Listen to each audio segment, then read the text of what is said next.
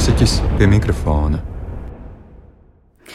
Anna Marta Burva ir pie mikrofona, un man ir patiesi liels prieks sveicināt šīs reizes mūziķis pie mikrofona viesi, komponisti Gundaga Šmiti. Sveika! Sveika, Marta!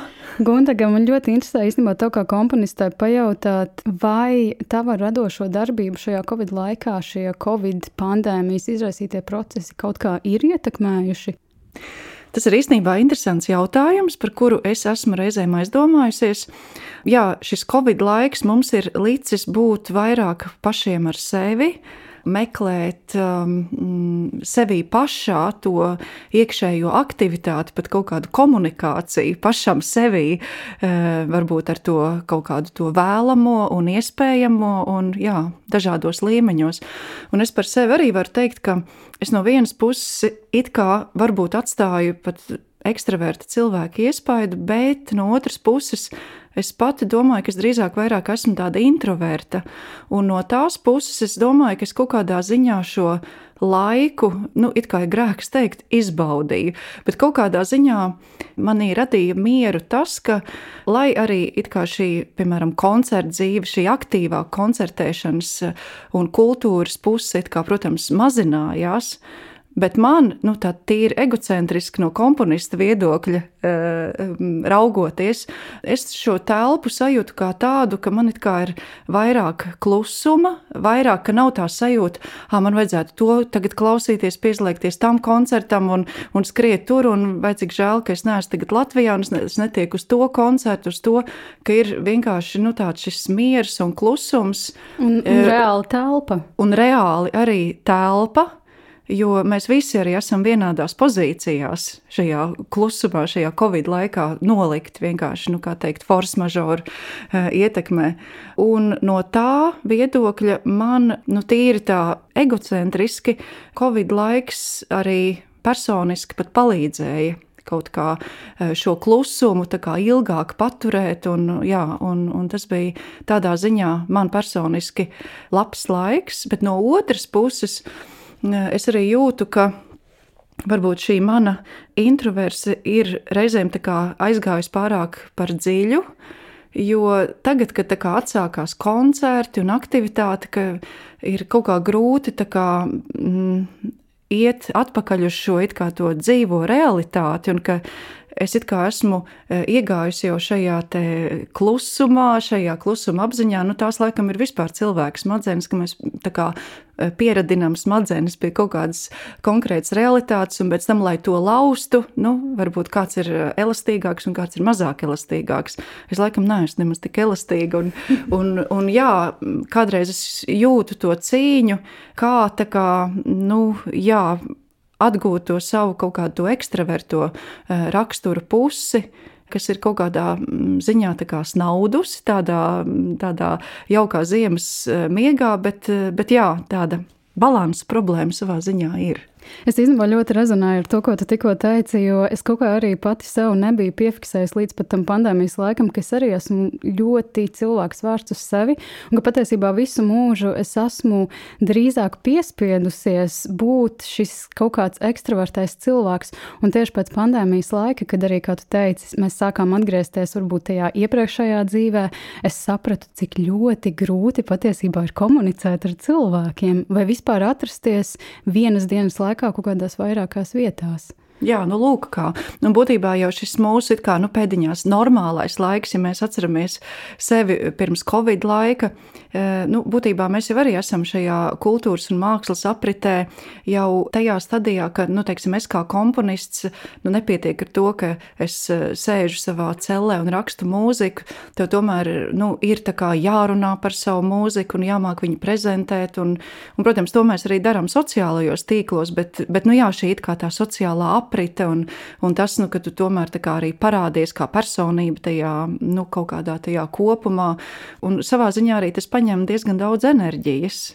It kā, protams, bieži arī ir tā, ka šī komunikācija arī sniedz atpakaļ enerģiju, bet nu, reizēm arī tas var būt nogurdinoši. Un, un šajā laikā tiešām varēja kā, nu, koncentrēties uz to savu iekšējo pasauli, attīstīt jaunus radošumu ceļus.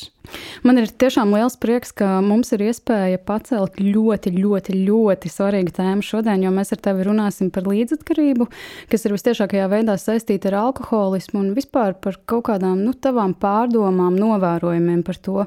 Varbūt iesākumā es tev vēlotos īstenībā jautāt, kāda ir tava personīgā attieksme pret šo alkoholu, alkoholu lietošanu un tam līdzīgi.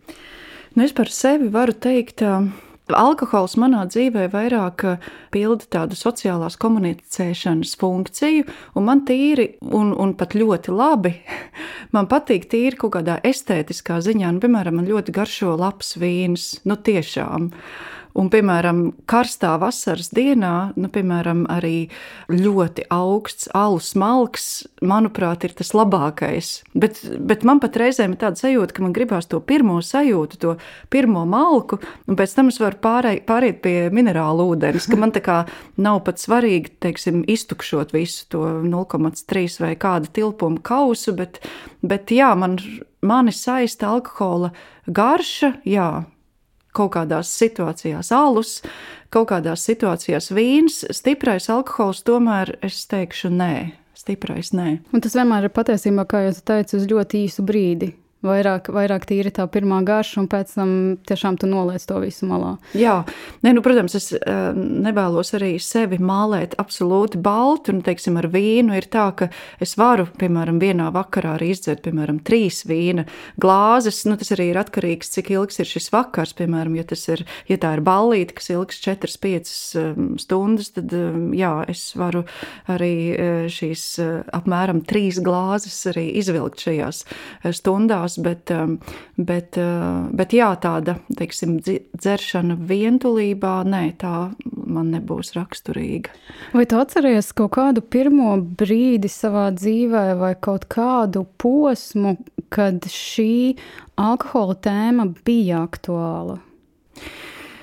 Man laikam tev ir jāsaka godīgi, ka man ir tāda vizuāla asociācija ar tādu migliņu, ka kaut kas jau ir pašos pirmsākumos bijis visapkārt, bet tas ir vienmēr ir bijis līdzās, un kā, ka man atmiņa vienkārši tik tālus notikumus, kā teikt, neķer. Bet, nu jā, tas konteksts manā gadījumā ir tāds, ka jā, es laikam esmu tāds um, tipiskais latvietis, uh, kam ir būtībā ģimenes līnijā, nu, dažādās paudzēs, ir bijusi šī uh, alkoholisma problēma un alkohola pārmērīgas lietošanas problēma. Un arī nu, kā, drīzāk es kā mazs bērns varbūt atceros vairāk tos stāstus par, par to, kā tur kāds ir dzēris, vai, protams, es esmu pati arī kaut ko redzējusi, bet, uh, nu, kā jau tas ir, piemēram, ļoti mazam bērnam, viņš jau to pieņem kā nu, tādu normālu uh, realitāti. Viņam tas neliekas nekas ārkārtējs. Un tāpēc, kad tu saki par to pašu pirmo pieredzi, man viņa īsti tāda nav, jo visu laiku ir tā tēma bijusi aktuāla. Bet nav tāds kaut kāds tas pirmais gadījums, ko es tā ļoti konkrēti atceros. Un no otras puses, es arī e, atceros, mūsu ģimenē vienmēr ir tikušas rīkotas ļoti radošas ballītes ar, ar daudz dziedāšanu pie galda un tā. Un to gan es tā ļoti spilgti atceros, ka uh, man kā bērnu ļoti interesēja dziesmas, kuru centrā bija dzērājs. Vai, piemēram, es dzērāju vīriņš, es lēni gāju, es lēni gāju un pārdomāju, un, un, un, un tā tālāk. Un man kaut kā šīs dziesmas ļoti, es nezinu, kāpēc man viņas fascinēja, bet, bet es atceros, ka es bieži pēc tam staigāju savā nodabā pa dārzu un, un tā kā dziedāju šīs dzērāju dziesmas. Nu, kaut, kas tur, gadi? kaut kas tur likās tā filozofiskā dimensija, tur, jā, nu, nezinu, četri, pieci. Bet no šodienas viedokļa tas man liekas tā, it kā, nu, ja es, ja es redzu tagad sevi no uh, savas um, pozīcijas, tagad man ir 44 gadi, un ja es redzu sevi 40 gadus atpakaļ, ka maza meitenīte staigā pa dārzu un dzied dziesmas, it kā ka viņa būtu šis dzērājs, nu liekas tā diezgan spokaini. nu jā, bet tajā brīdī tas kaut kā, tas, tas, tas likās, ka kā ka tā pat ģimenes vēsture ir tā kā tik kaut kā piesūcināta ar šo it kā vienmēr it kā esošo aktuālo problēmu, jau tā kā tādā paudžu gaitā, ka tas man tajā laikā nelikās nekas tāds īpašs. Un tajā laikā es arī, nu, teiksim, personiski uz savas ādas neizjūtu kaut kādas, piemēram, alkoholisma sekas. Jo nu, man, piemēram, ir palaimējies ar to, ka, teiksim, ne mana mamma, ne mans tēvs nu, nav bijuši tādi pārmērīgi alkohola lietotāji, jo nu, tad es būtu ar to arī personiskā līmenī saskārusies. Bet tas bija tā kā drusku tālākās radniecībās, kur tas tā līnija attīstījās un, un tā. Bet um, ko es arī varu teikt no otras puses, nu, piemēram, mm, Man liekas, ja cilvēks dzīvo arī kaut kur citur, tā kā es, piemēram, tagad Grieķijā, tā arī ir tāda iespēja tā kā paskatīties no malas uz to savu pieredzi, vispār tādu situāciju kopumā, nu, kas, piemēram, mums šeit liekas tā tāda pierasta un normāla, un um, tā kā to izvērtēt, kā tas, piemēram, ir Grieķijā vai kā tas ir, kā tas ir šeit. Un, piemēram, Grieķijā, nu, ja godīgi, es nezinu nevienu ģimeni, kur vispār būtu šāda alkoholisma problēma ne, ne, ne draugu lokā, ne, ne radinieku lokā. Nu, tur, protams, ir kaut kādas pilnīgi citas problēmas, bet uh, Nu, tā man arī ir iespēja secināt, ka jā, tas, ko mēs pieņemam šeit kā tādu normu, tas ne visur ir, ir norma, bet, bet šeit tā ir. Vai nu tas ir saistīts ar mm, padomju, mantojumu, šo dzīvesveidu, vai vispār saules trūkumu, vai kombināciju ar abiem šiem momentiem. Bet jā, nu, šeit tā ir bijusi un jā, joprojām ir. Vai tev ir bijuši kaut kādi novērojumi vai domas par to, kā atšķiras paudžu attieksme pret alkoholu? Kā piemēram tas ir manā paudzē, vai tavā, vai tavu vecāku? Jā, nu pilnīgi noteikti. Es domāju, ka gan manu vecāku, gan vecvecāku un nu, vēl vecāku pauģu kontekstā alkohols vairāk bija it kā nu, šī atslābināšanās iespēja, e, šī kaut kāda izraušanās no realitātes, kas aizved arī līdz tai pārmērīgai dzeršanai un alkoholismam, bet cik man ir stāstīts par to, nu, ka to tomēr uzskatīja par tādu nu, izlaišanos toreiz, nu, pirms vairākiem gadu eh, desmitiem, un nu, ka cilvēks nevar saņemties, un nu, kā viņš tur ir nolaidies līdz tādai pakāpei, ka viņš tur pazaudē darbu, un, un ka viņš tur sabojā attiecības un pazaudē ģimeni, un nu, kā var tā nolaisties, nu, nu, pret viņu tā kā runāt kā par tādu pēdējo palaidni, kuram ir tas alkohols vai tā uzdzīve svarīgāka par savu darbu un, un, un savu ģimeni. Bet, nu jā, nu, eh, mūsdienās, eh, paldies Dievam, tā attieksme ir mainījusies, un tagad mēs zinām, ka alkoholisms ir eh, nopietna slimība, un, un tā ir ārstējama, bet nu, tā ir ļoti viltīga slimība. Jo tai slimībai, kas ir alkoholisms, ir raksturīgs arī tas, ka tas cilvēks, kurš ir atkarīgs no alkohola, viņš arī to noliedz.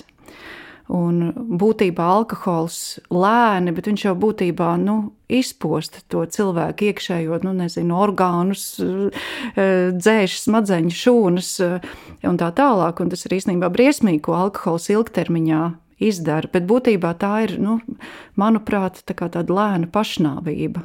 Eksperts pie mikrofona.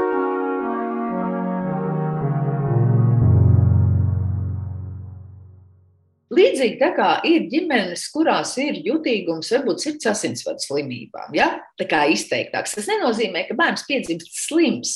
Vienkārši piedzimstot šajā ģimenē, ir lielāks risks, jo praktiski katram ģimenes loceklim ir attīstījusies sirds asinsvadu slimība.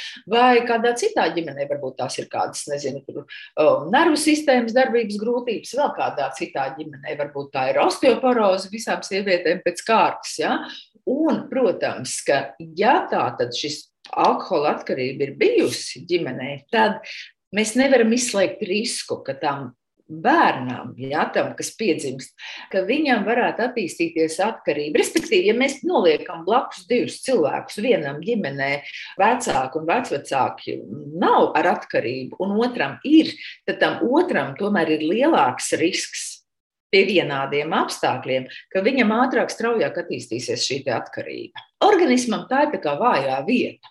Bet tas nenozīmē, ka tas attīstīsies obligāti, jo te tomēr alkoholisms nav kaut kas, kas attīstās bez vielas lietošanas. Un, savukārt, ja es lietoju, tad man vienkārši ir jābūt ar skaidru saprāšanu, ka man šis ir bīstamāk. Atkarība var attīstīties, protams, ļoti dažādos vecuma posmos, jo tā var attīstīties jaunībā, bet tā var attīstīties varbūt arī cilvēkam, kam jau ir 40 gadi, ja, un varbūt viņam ir kāds milzīgs trieciens dzīvē, un viņš sāk, piemēram, pastiprināt lietot alkoholu, lai kaut kā atslābinātos vai pārvarētu šo konkrēto krīzi. Un hops, šis risinājums var pat visai strauji pārvērsties par atkarību. Strauji var būt tā, ka burtiski pāris gadu laikā cilvēks ir tā kā teikt, hei, kas notika? Viņš ir mainījies. Un varbūt tā, ka tas notiek diezgan lēni, diezgan rāmi, diezgan sociāli eleganti, jo mums ir vairāk naudas, jo tas notiek smukāk. Jā, jo mēs varam nodzerties ar dārgākiem dzērieniem kvalitatīvāku alkoholu, jo mēs varam vairāk noslēpt to, jo mēs varam dabūt labāku medicīnisko palīdzību, kaut vai lai attīrītu organismu jā, no alkohola intoksikācijas.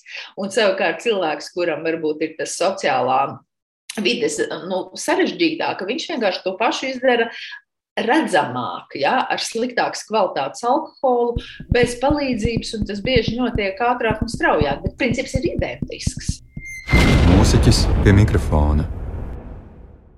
Un tur arī nostājās blakus tas cilvēks, tas ģimenes cilvēks vai tuvais draugs, kas to vēro. Un kuram nu, ļoti sāp, ka, ka tas eh, cilvēks, kuru viņš, nu, teiksim, kuru es uh, mīlu, kā draugu vai ģimenes locekli, ka es redzu, ka viņš būtībā taisa lēnu pašnāvību. Bet ja tu, piemēram, redzi, ka cilvēkam ir rokās triķis un viņš tūlīt kārsies, protams, tu iesi, tu runāsi ar viņu, tu tūlīt kaut kā mēģinās to striķi kaut kā, nu, nezinu, teiksim, ko tu vai fiziski atņemt. Bet ar alkoholu tas tā tas tā nesanāk, jo tas ir tāds daudz, nu, tas ir tā kā iedomājies, tā kā slow motion, bet tāds milzīgs slow motion palēninātā darbība uh, filmā, kur, jā, ka tas var ilgt dekādēm, nu, gadu desmitiem, bet tas cilvēks tā kā neatgriezeniski tādā lejupējošā spirālē būtībā izpost savu garīgo un fizisko veselību, un to ir ārkārtīgi sāpīgi skatīties. Bet tu nevari arī palīdzēt, un, un tas ir tas tas, ir tas brīdis, ka, e, nu, jā, ka tu no vienas puses mīlot to cilvēku, tu viņam mēģini, kā, nu, kā es runāju par to karātevu striķi, tu mēģini viņam arī to pudeli nu, atņemt, vai, vai nu, es tagad arī runāju gan burtiski, gan arī simboliski, nu, teiksim, teikt viņam, tev ir nepieciešams ārstēties, kādu metodi tu gribētu izvēlēties, vai tā ir Minnesotas programma, vai anonīmie alkoholiķi, vai, vai psihoterapija. Bet tas cilvēks, viņš varbūt pat pieklājības pēc, viņš pat varbūt aizies uz to Minnesotas programmu. Bet tūlīt nākamajā stundā, kad viņš tiks ārā no tās Minnesotas programmas, viņam pirmais gājiens būs pēc tā dzēriena, jo viņš savā sirdī nav sapratis, cik tas alkohols ir, ir postošs. Nu jā, un, un tā ir viena lieta.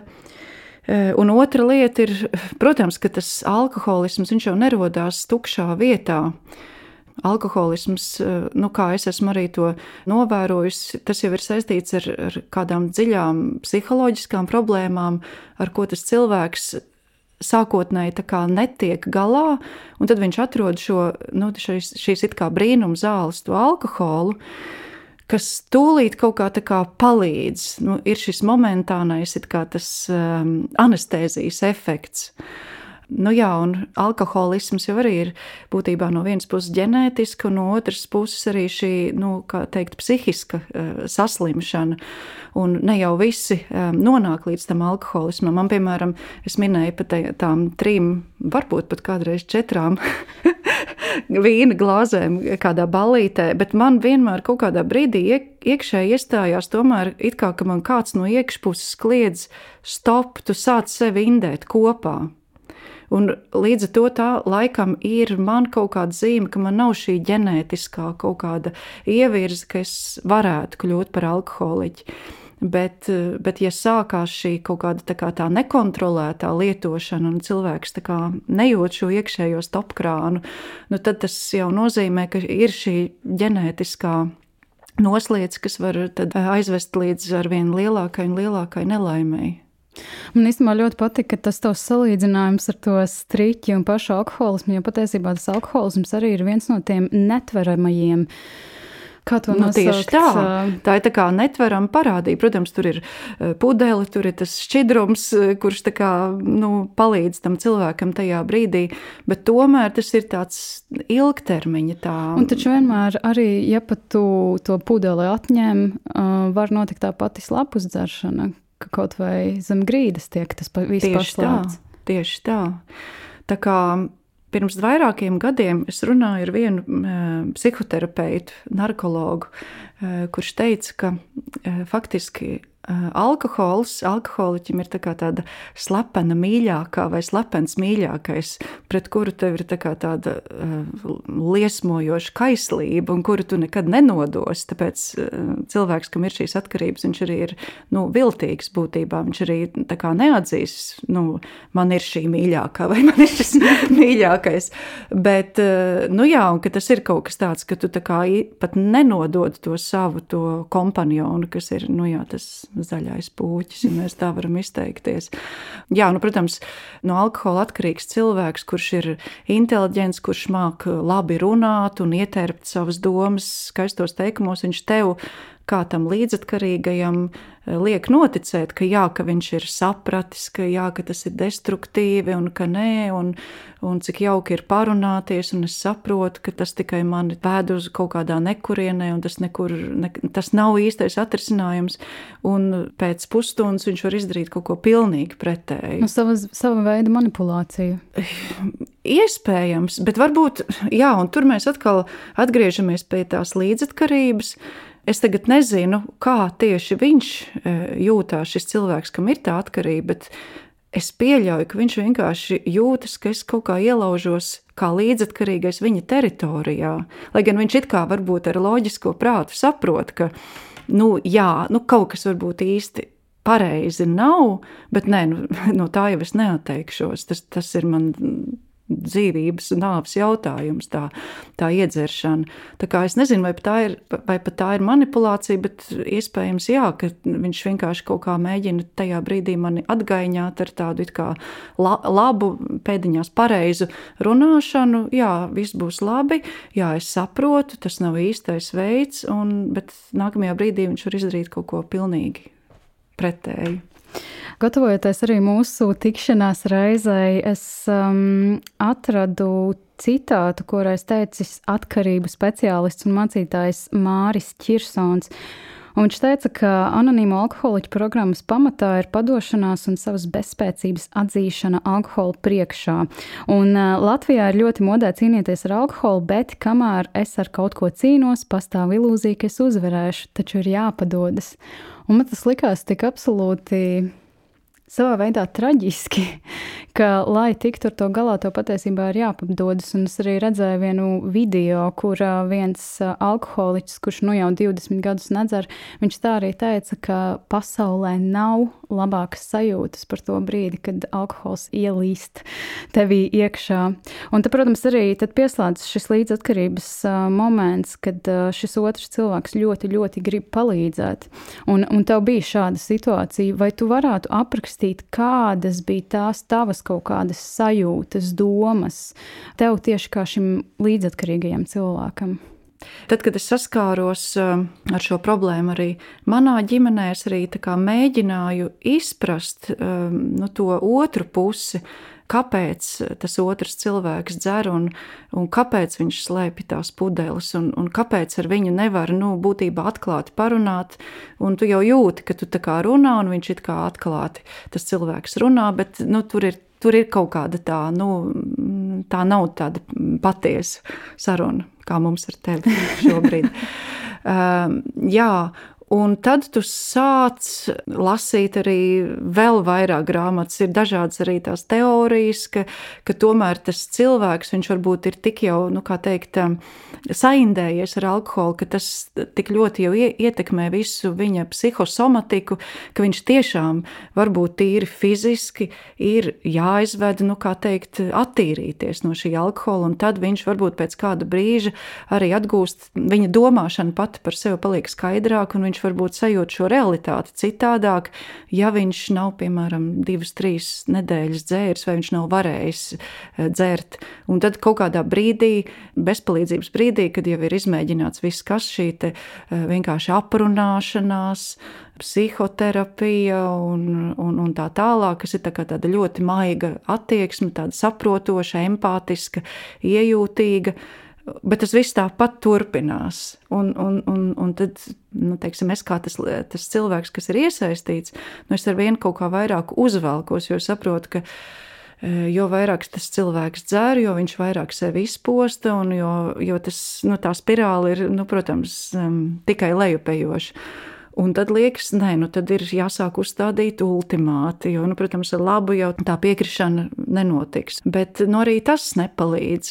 Un tad uh, tas izklausās ļoti smagi, bet, uh, bet ko arī iesaka atkarības speciālisti, nu, bieži arī ir tā, ka tam cilvēkam pašam ir jānolaižās, nu, tajā, kā teikt, tajā ellē, kur tas alkohols, tā slepenā mīļākā vai slepenais mīļākais, viņa tomēr ir aizvedis. Un, un, un pa to laiku, kamēr tā spirāli ir tā pēdiņās skaisti lejupējoši vērpusies. Tur ir teiksim, jau bijušas problēmas darbā, vai pazaudēts darbs, vai sabojātas attiecības ar ģimenes locekļiem. Un tad tu saproti, ah, bet es taču arī esmu šis ģimenes loceklis. Es no tā reāli cieši, man ir sāpīgi to skatīties. Un ja jau tas cilvēks nav, nav patiesi atklāts ar mani, ja tomēr viņš izvēlās to alkoholu, nu, vai man tur jābūt līdzās? Jo īstenībā tad sanāk tā, ja, ja es vairs neesmu līdzās, tad tā jau ir reāli tā seka, viena no sekām, ka viņš arī sabojā attiecības ar mani, tas cilvēks, jo es to nevaru panest. Nu, protams, tas ir vēl, vēl smagāku ja, to jautājumu padara tas, ja ir, piemēram, iesaistīts eh, nu, mazgatīgs bērns, kurš arī to visu eh, kā, redz un piedzīvo, nu, tad tas jautājums paliek vēl akūtāks un arī tā līdzatkarība paliek kā, vēl smagāka uz, uz tās bāzes. Eksperts pie mikrofona.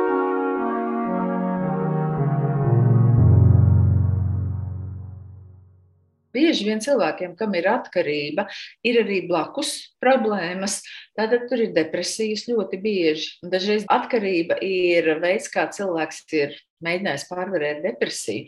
Dažreiz atkarība ir problēma, kas izraisa depresiju. Ja, tā sauc par primāriem un sekundāriem traucējumiem.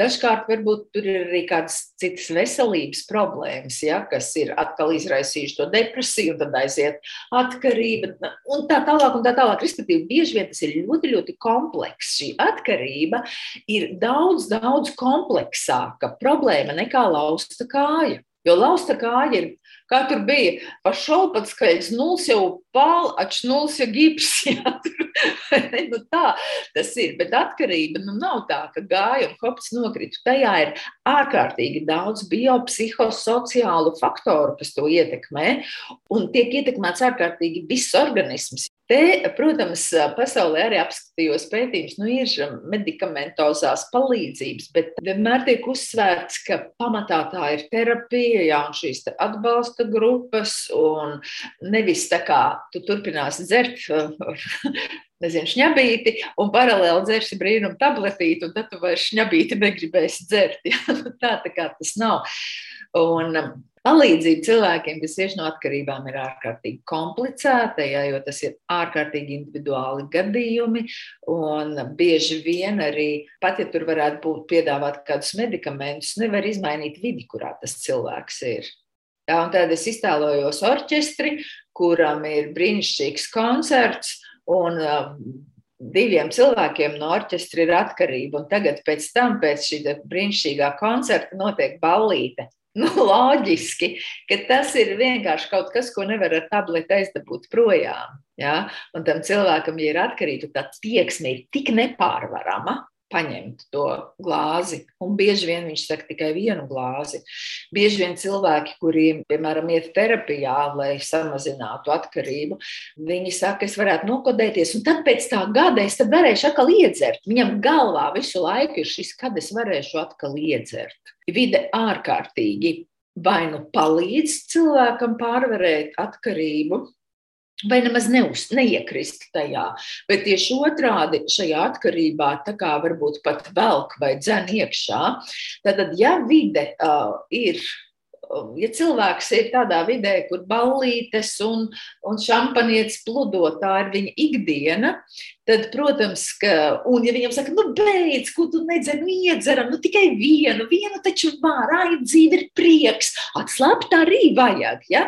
Šie ir visi tie teicieni, ja, kuri pēc būtības tam cilvēkam, kurš mēģina nedzert, ir nāvējoši. Katrs teiciens viņam iedur iedur kaut kur ķermenī. Vai arī tam cilvēkam, kuram ir šī tendence, apkārt ir cilvēki, kas patiesībā dzer maz. Vai arī viņam saka, ka, klau, mēs, kā tas ir, mēs varam iedzert, esot tavā klātbūtnē, bet mēs zinām, ka tu nedrīkst dzert. Ja? Mēs arī esam gatavi nedzert kādu laiku. Ja? Respektīvi, šī vide palīdz un atbalsta, nekļūstot līdzatkarīgi, bet vienkārši atbalstot viņu, zinot, ka viņam šobrīd varbūt ir posms, kurā viņš um, strādā ar savu atkarību. Pēc būtības atkarība pārņem cilvēku dzīvi tik tālu, ka nekam citam jau vairs neatliek vietas. Ja? Un tad tie sasniegumi, ja mēs domājam par mākslu, kļūst ar vien grūtāk sasniedzami, vai ne? Viņi nav iespējami. Un tā dzīve var teikt, iet uz tādu fiasko, uz tādu tukšumu. Ja? Un, un tas ir ārkārtīgi sāpīgi redzēt, kā talantīgi cilvēki pēc būtības piebeidz sevi. Jā, un nespēja palīdzēt, jo saņemies un nedzer, tas nav palīgs. Viņš nevar saņemties, jā, viņam vajag palīdzību, kas ir daudz, daudz, daudz nopietnāka. Mūziķis pie mikrofona. Īstenībā arī ļoti daudz esmu domājis par to attieksmi, kas tajā pašā mākslinieku vidē ir pret visu šo alkoholismu. It kā savā ziņā aizbēgšana, varbūt mierinājums, kaut kas tamlīdzīgs, un nereti ir arī dzirdēts teksts, protams, pēc koncerta nevar neiedzert.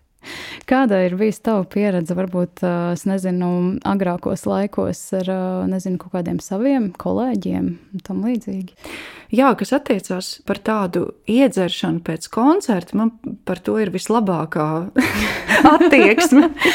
jo nu, tā liekas tāda tiešām nu, reize, kad tiešām arī tā glāze vīna iedarās un ka tu tā kā tiešām nosvini kaut ko. Un, un, un ja tas tiešām arī notiek tādā sociālā vidē, ka tu ar saviem draugiem saskandini to glāzi, un tas ir gan simboliski, gan forši, un kā jau es mūsu sarunas sākumā minēju, minēja, man tiešām garšo vīns, un, un man liekas, ka tam nevajadzētu būt nekādām problēmām.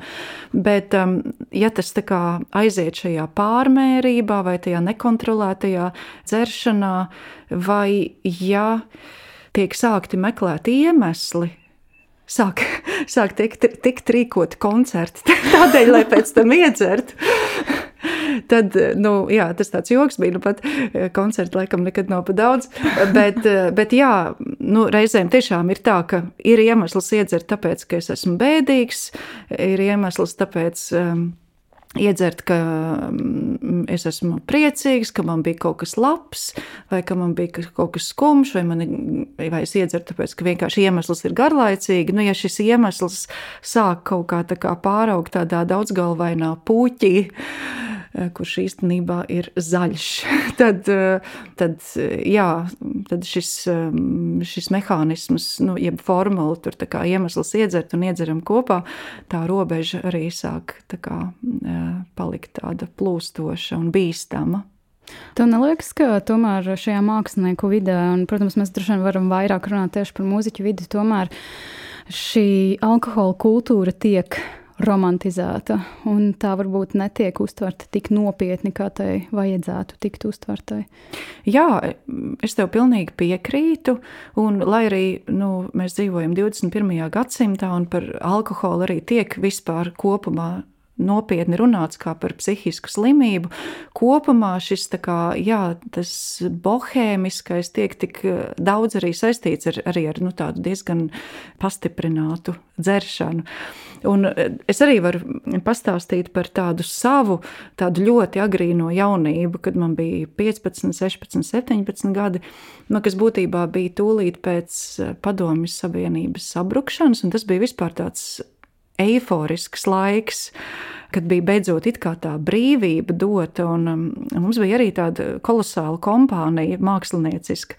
Tur bija gan arī uh, vairāk. Um, draugi, kas bija kādus gadus vecāki par eh, mani, un kuri bija būtībā nu, līdz pilngadībai arī dzīvojuši šajā padomju režīmā, bet ar visu to perestroikas iekšējo to sapņaino sajūtu, ka tūlīt būs, tūlīt būs, un tā lielā brīvība. Un tad man liekas, tajos 90. gados, jā, ka bija tā brīvība, un tas bija, nu, tie pirmie gadi bija tāds absolūti romantisks, sapņu pilns, nu, tāds pilnīgs sprādziens.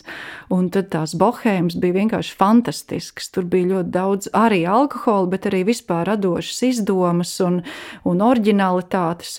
Bet, bet, ja es tagad paskatos atpakaļ, nu, būtībā ir tā, ka neviens no tiem draugiem, nu, viņi vairs nav mūsu vidū, jo viņi ir aizgājuši pa to destruktīvo ceļu un, un, un, un salūzuši kaut kā priekšā.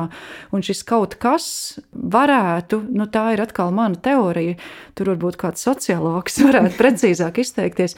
Man liekas, arī tūlīt, kas sekoja tai pirmajai eiforijai brīvības, bija tas, ka nu, tomēr tā situācija, nu, piemēram, Latvijā, tomēr viņa bija nu, diezgan problemātiska. Nu, ekonomika bija diezgan lielā grīstē, un, un tas kapitālisms, kas ar savu pilnīgi citu tā kā, tādu sociālu modeli nāca iekšā, ka tev arī jāmāk konkurēt, jāmāk sevi pārdot un tā. Un kaut kā tas tā konfliktēja pret to romantisko sapņaino, kas bija tā kā visu laiku tajā ilūzijā noturēts, uzsprāga. Un tad es nezinu, vienkārši es zinu pietiekami daudz cilvēkus, kas kaut kā man liekas, salūza tā priekšā, kas tieši arī nāk no šīs mākslas vides. Man arī ir manā draugu lokā, teiksim, trīs, četri, kas nu, nemaz nav mazi, es domāju par saviem nu, drusku vecākiem, bet nu, tomēr it kā vienaudžiem, kas nu, būtībā vairs pat nav dzīve. Nu, tas tā diezgan traģiski. Un īstenībā šeit arī ļoti aktuāls jautājums par to, ka ne tikai tās ļoti krasās izmaiņas no ekonomiskā viedokļa, bet arī tas, ka tu pēkšņi cilvēks, kas ir dzīvojis nebrīvē, tu sāc dzīvot brīvā, un ko darīt ar to? Ar to brīvību, jā, jā tieši jā. tā. Jā. Jo tu esi tā tāds kumeļš, kas palaists auļos ār, ārpus tāda maza steliņģīša, un kur skriet, un tu esi impulsiem bagāts, un tu kā, pat varbūt nevari viņus kā, sagremot, visas tās iespējas, ko tu vari darīt, kā tu vari darīt. Un, un tādi jūtīgāki cilvēki. Iespējams, tas bija arī kaut kāds vidas faktors vai šis sociālais faktors, kas ļāva varbūt arī, nu, nezinu, arī remdēties šajā alkoholā, nu, kā, mm, kas kompensē šo it kā neierobežotās brīvības sajūtu, kura tā kā jau pāraug tādā gandrīz tādā ārprātā. Vai gadījumā nav arī tā, ka ir reizes, kad šis atkarīgais cilvēks izjūt ārkārtīgi spēcīgu disonanci? No vienas puses viņš grib palikt viens, no otras puses viņam arī, protams, kā jebkuram cilvēkam, ir vajadzīga šī sabiedrība. Jā, un, un tā tiešām ir ļoti sāpīga disonance, un pie tam vēl no abām pusēm, un arī šim pašam alkoholiķim. Droši vien arī ir tā, ka būtībā šis laiks, kad viņi tā kā dzer vienatnē un paliek vienatnē dienām, ko es esmu novērojis, ka tas nav liels. Viņi tā kā tiecās tomēr pēc šī tuvāko cilvēku loka. Un tur sākās tā disonance, jo tas cilvēks grib būt iedzēris, bet vienlaikus viņš vēlas būt ģimenē vai nu, tuvāko draugu lokā. Nu, jā, tur ir tas Tas traģiskais, ka tie ģimenes locekļi vai draugi, viņi jau to skaidri redz, to jau nevar noslēpt, ka tas cilvēks ir iedzēris, un tas tomēr ļoti atšķirās tā nu, alkoholiķa iedzeršana no vienkārši, nu, teiksim, ka es būtu varbūt atnākusi šodien uz podkāstu pēc vienas glāzes vīna. Jo, nu, ko es esmu novērojis, ka tas cilvēks kaut kā viņa personība diezgan radikāli izmainās.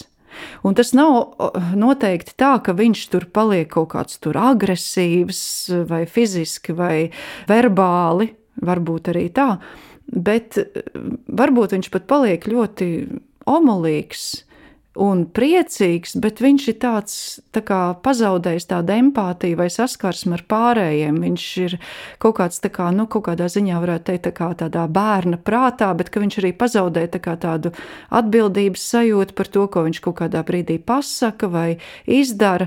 Nu, viņš ir tā kā kaut kādā savā tādā burbulī pasaulē, it kā neiz, neizklausās jau, ka tas ir kaut kas slikts un tā, bet tiem vistuvākajiem ģimenes locekļiem to ir nu, vienalga sāpīgi redzēt, un viņi jau būtībā tajā brīdī pat negrib komunicēt ar, ar šo cilvēku, kurš ir šajā stadijā. Un, nu jā, un tad viņi būtībā grib iet projām, un tad tas cilvēks tur eh, savā alkohola eiforijā nesaprot, kāpēc tur, teiksim, tie cilvēki tagad ar viņu tur negrib būt kopā, un, un nākamajā dienā, nākamajā rītā rītā viņš iespējams to saprot, ah, nu jā, es dzēru, un pārējie tur tā kā izskatās tādi apvainojušies. Un tad viņš jūtas vainīgs, un tas jau tūlīt ved pie. Viņš iespējams pat atvainojās, bet viņš jūtas vainīgs, viņš atkal jūtas ar vien sliktāk, sliktāk, un tas atkal aizved pie nākamās pudeles, un atkal tādas situācijas, un tā kā tādā vāveres ritenī. Tā kā, nu jā, tur arī ir tāda, tāda kaut kādā ziņā traģēdija un paradoks, ka Bieži šie cilvēki ar atkarībām arī meklē šo sabiedrību, šo te, uh, silto ģimenes vai draugu loku, tomēr to nav iespējams apvienot. Un līdz ar to, ka viņš meklē šo loku, tad, tad arī tie pārējie viņi arī kaut kādā ziņā tiek tajā līdzatkarības problēmā iesaistīti, jo tas cilvēks jau it kā meklē viņus bet kaut kā citādāk nekā nu, tie pārējie ir ar, ar viņu gatavi komunicēt, sadarboties un ko viņi uzskata par tādām veselīgām, labām ģimenes attiecībām. Mūziķis pie mikrofona atpūšas. Gundaga nav jau noslēpums, ka ir ļoti jauki pavadīt brīvo laiku tiešām senu draugu un arī šī brīža draugu lokā, kad varbūt arī minimāli šīs kaut kādas trīs vīna glāzes parādās. Bet kas vēl bez tā varbūt ir tas, ko tev savā brīvajā laikā patīk darīt, apjūsmot un tam līdzīgi? Nu jā, mana, mana uh, otrā mīlestība līdzās mūzikai ir literatūra, Un tad, kad es esmu Latvijā, tad parasti es braucu ar diezgan daudz grāmatām atpakaļ uz Grieķiju, un tad es viņas lasu. Jā, es um, pēdējā laikā esmu uh, lasījusi izdevniecības orbītas, uh, izdotās grāmatas.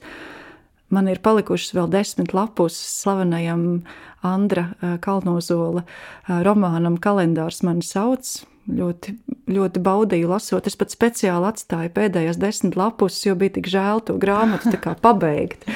Pirms tam es lasīju Viļa Kasima, Lingerzīna blūz un jā, arī brīnišķīga próza. Izdevniecība Orbīta tiešām atrod tādus ļoti oriģinālus rakstniekus ar savu izteiksmi. Un, protams, vienmēr arī es lasu daudz dzēju, un jā, tā man arī ir tāda īpaša realitātes telpa. Man bieži ir pat tā, ka es lasu, un, un tad es pēc tam par to sapņoju naktī, un tur kaut kā man tie tēli visi savērpjas kopā, un tur man tāda pilnīgi tāda pasaulīte izveidojas. Bet jā, vispār, ja es runāju par grāmatām, tur man arī ir kaut kāda atkarība, īpaši, kas saistās ar tiem, nu, tā, teiksim, romānu formātu grāmatām, nu, kas nevaru beigt lasīt, ka, un es esmu apsēsta to lasīšanu, es domāju, ah, tagad man ir jālasa lekcijas, kad es atkal tikšu pie grāmatas, kad es atkal tikšu atpakaļ pie grāmatas. Tā var būt tāda nevainīga atkarība. Tā ir jā, nevainīga atkarība, bet tomēr. Nu jā, un, un tad vēl, kas man patīk, mēs jau arī pieminējām sarunas sākumā, klusumu.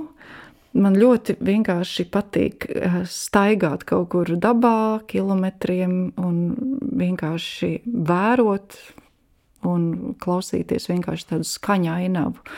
Jo klusums varbūt ir tikai šajā studijā, bet mēs elpojam un smaidām. Klausa, man īstenībā interesē par to literatūras aspektu. Kā tu redzi vārdus uz tā papīra? Vai no tiem nāk kaut kādas krāsas, kaut kādi tēli priekš tevis? Kā tu aprakstītu to savu pieredzi ar vārdu? Jā, ja tā ir um, próza, nu man faktiski ir tā, ka tajā brīdī, kad es lasu, es kļūstu pati priekš sevis nu, par tādu tā kā filmas režisoru. Nu, jā, es to visu inscenēju. Nu, protams, tas vienkārši arī notiek kaut kā automātiski. Ja tur ir apraksts kaut kas par upi, nu, protams, tā būs kaut kāda mana upe. Un, un tā, bet nu, jā, man, man ir tāda ļoti vizuāla uztvere kopumā. Tā kā, ja es lasu, tad tā ir kaut kāda e, konkrēta vide, kurā es arī ielieku tos savus varoņus. Un, nu, jā, un tad es būtībā lasot, kā vienlaikus skatos kā pati savu filmu. filmu.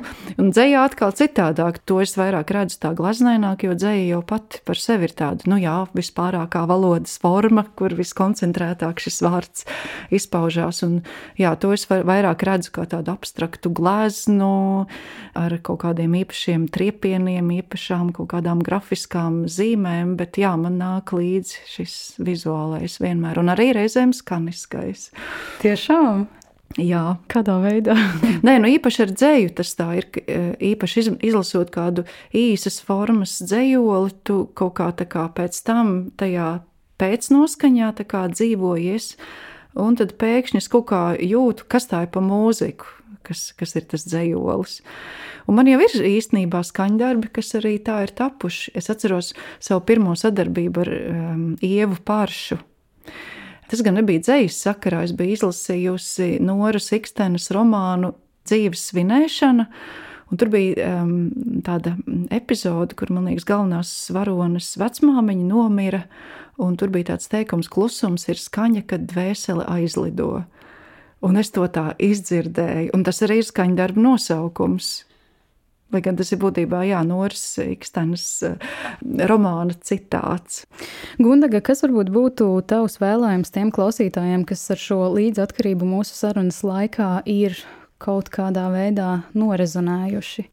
Jā, nu būtībā, ko es varētu novēlēt vai ieteikt, jā, tā ir kaut kādā ziņā šī paļaušanās, bet nevis tādā eh, gļēvā nozīmē eh, paļaušanās, bet reizēm ir jāļauj notikumiem brīvi plūst un attīstīties un palīdzēt tad, kad tev lūdz šo palīdzību.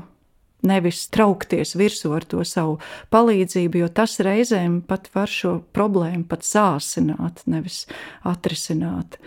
Un, lai cik sāpīgi reizēm nebūtu vērot šo lejupslīdi šim cilvēkam, kas cīnās ar atkarību, tomēr šī ārstēšana nevar notikt vardarbīga.